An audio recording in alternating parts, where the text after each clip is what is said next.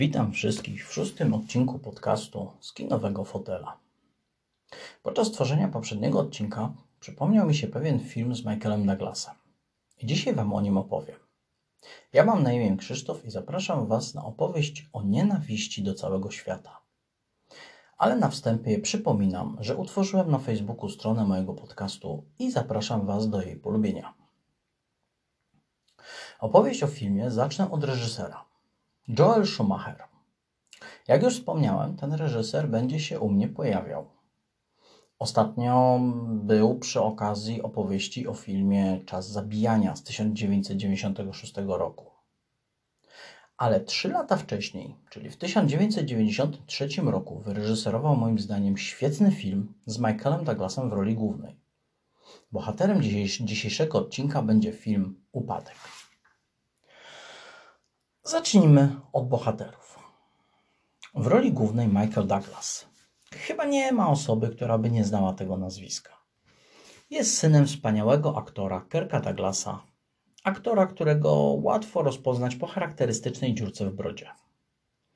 Michaela Douglasa po raz pierwszy na dużym ekranie mogliśmy zobaczyć w 1966 roku w filmie Cień Olbrzyma gdzie zagrał z takimi sławami jak jego ojciec Kirk Douglas, John Wayne, Yul Brynner, a także Frank Sinatra.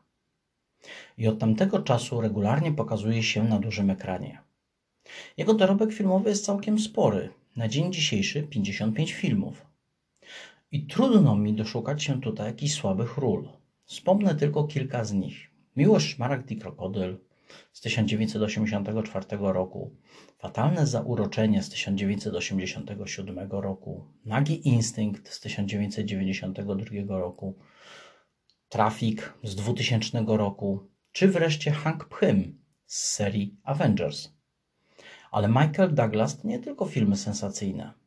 Doskonale wypada w rolach amantów, że wspomnę tutaj film z 1995 roku Prezydent Miłość w Białym Domu z Annette Bening, z Martinem Sheenem i Michaelem J. Foxem. Przyznam się Wam, nie stronię od romansów, a ten film wprost uwielbiam. Na liście płat znajdziemy jeszcze jedno ciekawe nazwisko. Robert Duvall. Do niedawna obstawiałem, że nie znajdę nikogo, kto kojarzyłby chociaż jeden film z jego udziałem. Do wczoraj. Okazało się, że jednak znam osobę, która kojarzy nawet dwa filmy z jego udziałem. Żeby było ciekawiej, ten urodzony w 1931 roku aktor ma na swoim koncie aż 103 filmy. Głównie role drugoplanowe. Powiem Wam teraz dwa tytuły, które zna chyba każdy: Czas Apokalipsy oraz Ojciec Chrzestny. Do tych filmów też dojdziemy. Jedną z ról, która zapadła mi w pamięci, jest Joseph Grant ze wspomnianej ostatnio Dżumy. Wspomnę jeszcze 60 sekund z Nicolasem Cage'em oraz film Sędzia z 2014 roku z Robertem Downeyem Jr. Aktor w sumie mało znany, a raczej rzadko kojarzony, ale za to jaką posiada filmografię. Gdzie nienawiść, musi być też i miłość. A jak miłość, to biorąc pod uwagę, że jesteśmy w dawnych czasach, to musi być i kobieta. Barbara Hersey, grająca żonę głównego bohatera. Znana m.in. z filmów Ostatnie Kuszenie Chrystusa Martina Scorsese z 1988 roku i z Czarnego Łabędzia z 2010 roku. Film Upadek jest historią pewnego mężczyzny, który jedzie do domu na urodziny córki. Jedzie to trochę dużo powiedziane, stoi w masakrycznym korku. Lato, upał, nieznośnie nagrzana puszka samochodu. Dookoła pojazdy z innymi ludźmi, kakofonia odgłosów ulicznego korka, gdzieś obok barierki robót drogowych. W pewnym momencie William Foster nie wytrzymuje, wysiada z samochodu, zostawia go na środku drogi i rusza przed siebie. Tak zaczyna się ta historia. Główny bohater sprawia wrażenie normalnego człowieka. Wygląda jak biznesmen w białej koszuli i pod krawatem.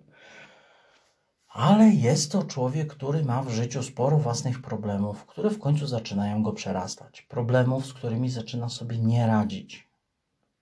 Jednym z największych jest jego skłonność do agresji, która uwidacznia się praktycznie na każdym kroku. Tylko, że ja mam co do niego bardzo mieszane uczucia. Jak można zrozumieć skłonność do agresji? Pierwsze, co nam się kojarzy z tym słowem, to silna potrzeba wyrządzenia krzywdy komuś innemu lub samemu sobie. Spotyka się ludzi, którzy czują potrzebę pokazania swojej wyższości, pokazania swojej siły, zaimponowania swoim kolegom lub koleżankom. Ludzi, którzy muszą zaczepić kogoś innego jakimś chamskim tekstem, czy nagle wystawionym łokciem zahaczającym o niespodziewającego się ataku, czy zaczepki innego człowieka. Ale agresja może być również udziałem pozornie normalnych ludzi. Czasami taka osoba nie zdaje sobie sprawy z tego, że w rzeczywistości jest agresywny wobec najbliższych czy wobec swojego otoczenia. Ale z trzeciej strony agresję może też wywołać pozornie błaha sytuacja. William Foster ma właśnie skłonność do agresji. Tylko, że jego agresja ma trzy podłoża. Z jednej strony jest odpowiedzią na to, czym atakuje go świat zewnętrzny. Podwyżki cen, nieuprzejmy sprzedawca, który nie chce zrozumieć amerykańskiego, który nie chce rozmienić amerykańskiego papierowego dolara na dwie monety i tak dalej. William Forrester nie atakuje pierwszy. Jego agresja jest odpowiedzią na czynniki dochodzące do niego ze świata zewnętrznego który trudno nie przyznać, nie zawsze jest taki, jakim chcielibyśmy, żeby był. Z drugiej strony, jego agresja jest odpowiedzią na jego własne problemy. Przez cały film sprawia wrażenie, że ucieka. Ucieka przed życiem, ucieka od swoich problemów, ucieka w to, co zna, ucieka w świat, w którym czuje się bezpiecznie. Idzie do domu, własnego domu. Nie przyjmuje do wiadomości, że to już nie jego dom, jest po rozwodzie z zakazem zbliżania się do żony i córki. Wyparł z umysłu teraźniejszość, żyje wspomnieniami z przeszłości. Trzecim aspektem jego agresji jest on sam. Skoro kupił małej córce kucyka zabawkę, to jego żona ma posadzić na nim dziewczynkę, mimo tego, że mała ewidentnie się tej zabawki boi, płacze, nie chce usiąść do zdjęcia. A według Billa, skoro on jej kupił, to powinna się bawić i się cieszyć, bo on tak chce. A jak on tak mówi, to tak ma być. Jego przeciwieństwem jest policjant z Wydziału Rabunków, sierżant Martin Prendergast. W tej roli wspomniany Robert Duvall. Prawie emerytowany sierżant. Dlaczego prawie? Bo to jego ostatni dzień w pracy.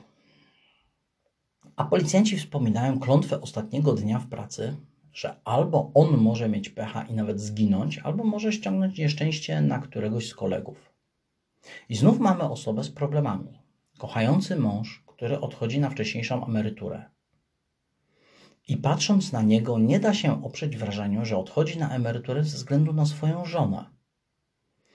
Żona sprawiająca wrażenie chorej i przesadnie się zamartwiającej o męża wydzwania do niego co chwilę. On sam przyjmuje wszystko ze stoickim spokojem. Cokolwiek się nie dzieje, będzie dobrze.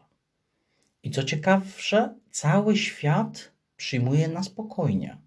Całkowite przeciwieństwo Williama Forestera.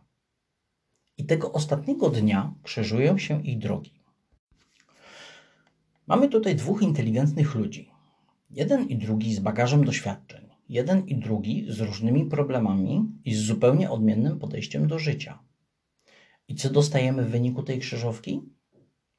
Porównanie, że z jednej strony możemy się nie zgadzać ze zmianami otaczającego nas świata, możemy za nim nie nadążać, ale gdy się z nimi pogodzimy, to będziemy w stanie znaleźć drogę, drogę, która doprowadzi nas do szczęśliwego zakończenia. Ale nie osiągniemy tego wyładowywując się na otoczeniu, zmuszając najbliższych do robienia rzeczy, na które nie mają ochotę. Jeśli miałbym w kilku zdaniach scharakteryzować ten film, to, byłyby to, to byłoby to stwierdzenie, które wypowiada główny bohater. Przekroczyłem punkt, z którego nie ma już odwrotu. To taki punkt w podróży, od którego dalej jest do początku niż do celu. Dalej bohater nawiązuje do misji Apollo 13, gdzie, jak sam mówi, doszło do awarii i trzeba było ściągnąć statek na, na Ziemię ale przekroczył punkt, z którego nie było już odwrotu. Żeby wrócić, musiał oblecieć księżyc dookoła. Przez wiele godzin nie było z nim łączności. Świat w napięciu czekał, czy z drugiej strony nie wyskoczy puszka z trzema trupami.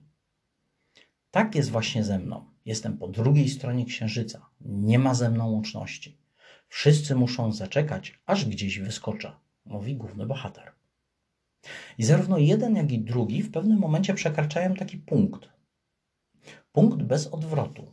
Oboje podejmują w pewnej chwili decyzje, które powodują, że przekraczają taki punkt krytyczny, od którego no, nie mają odwrotu w żaden sposób.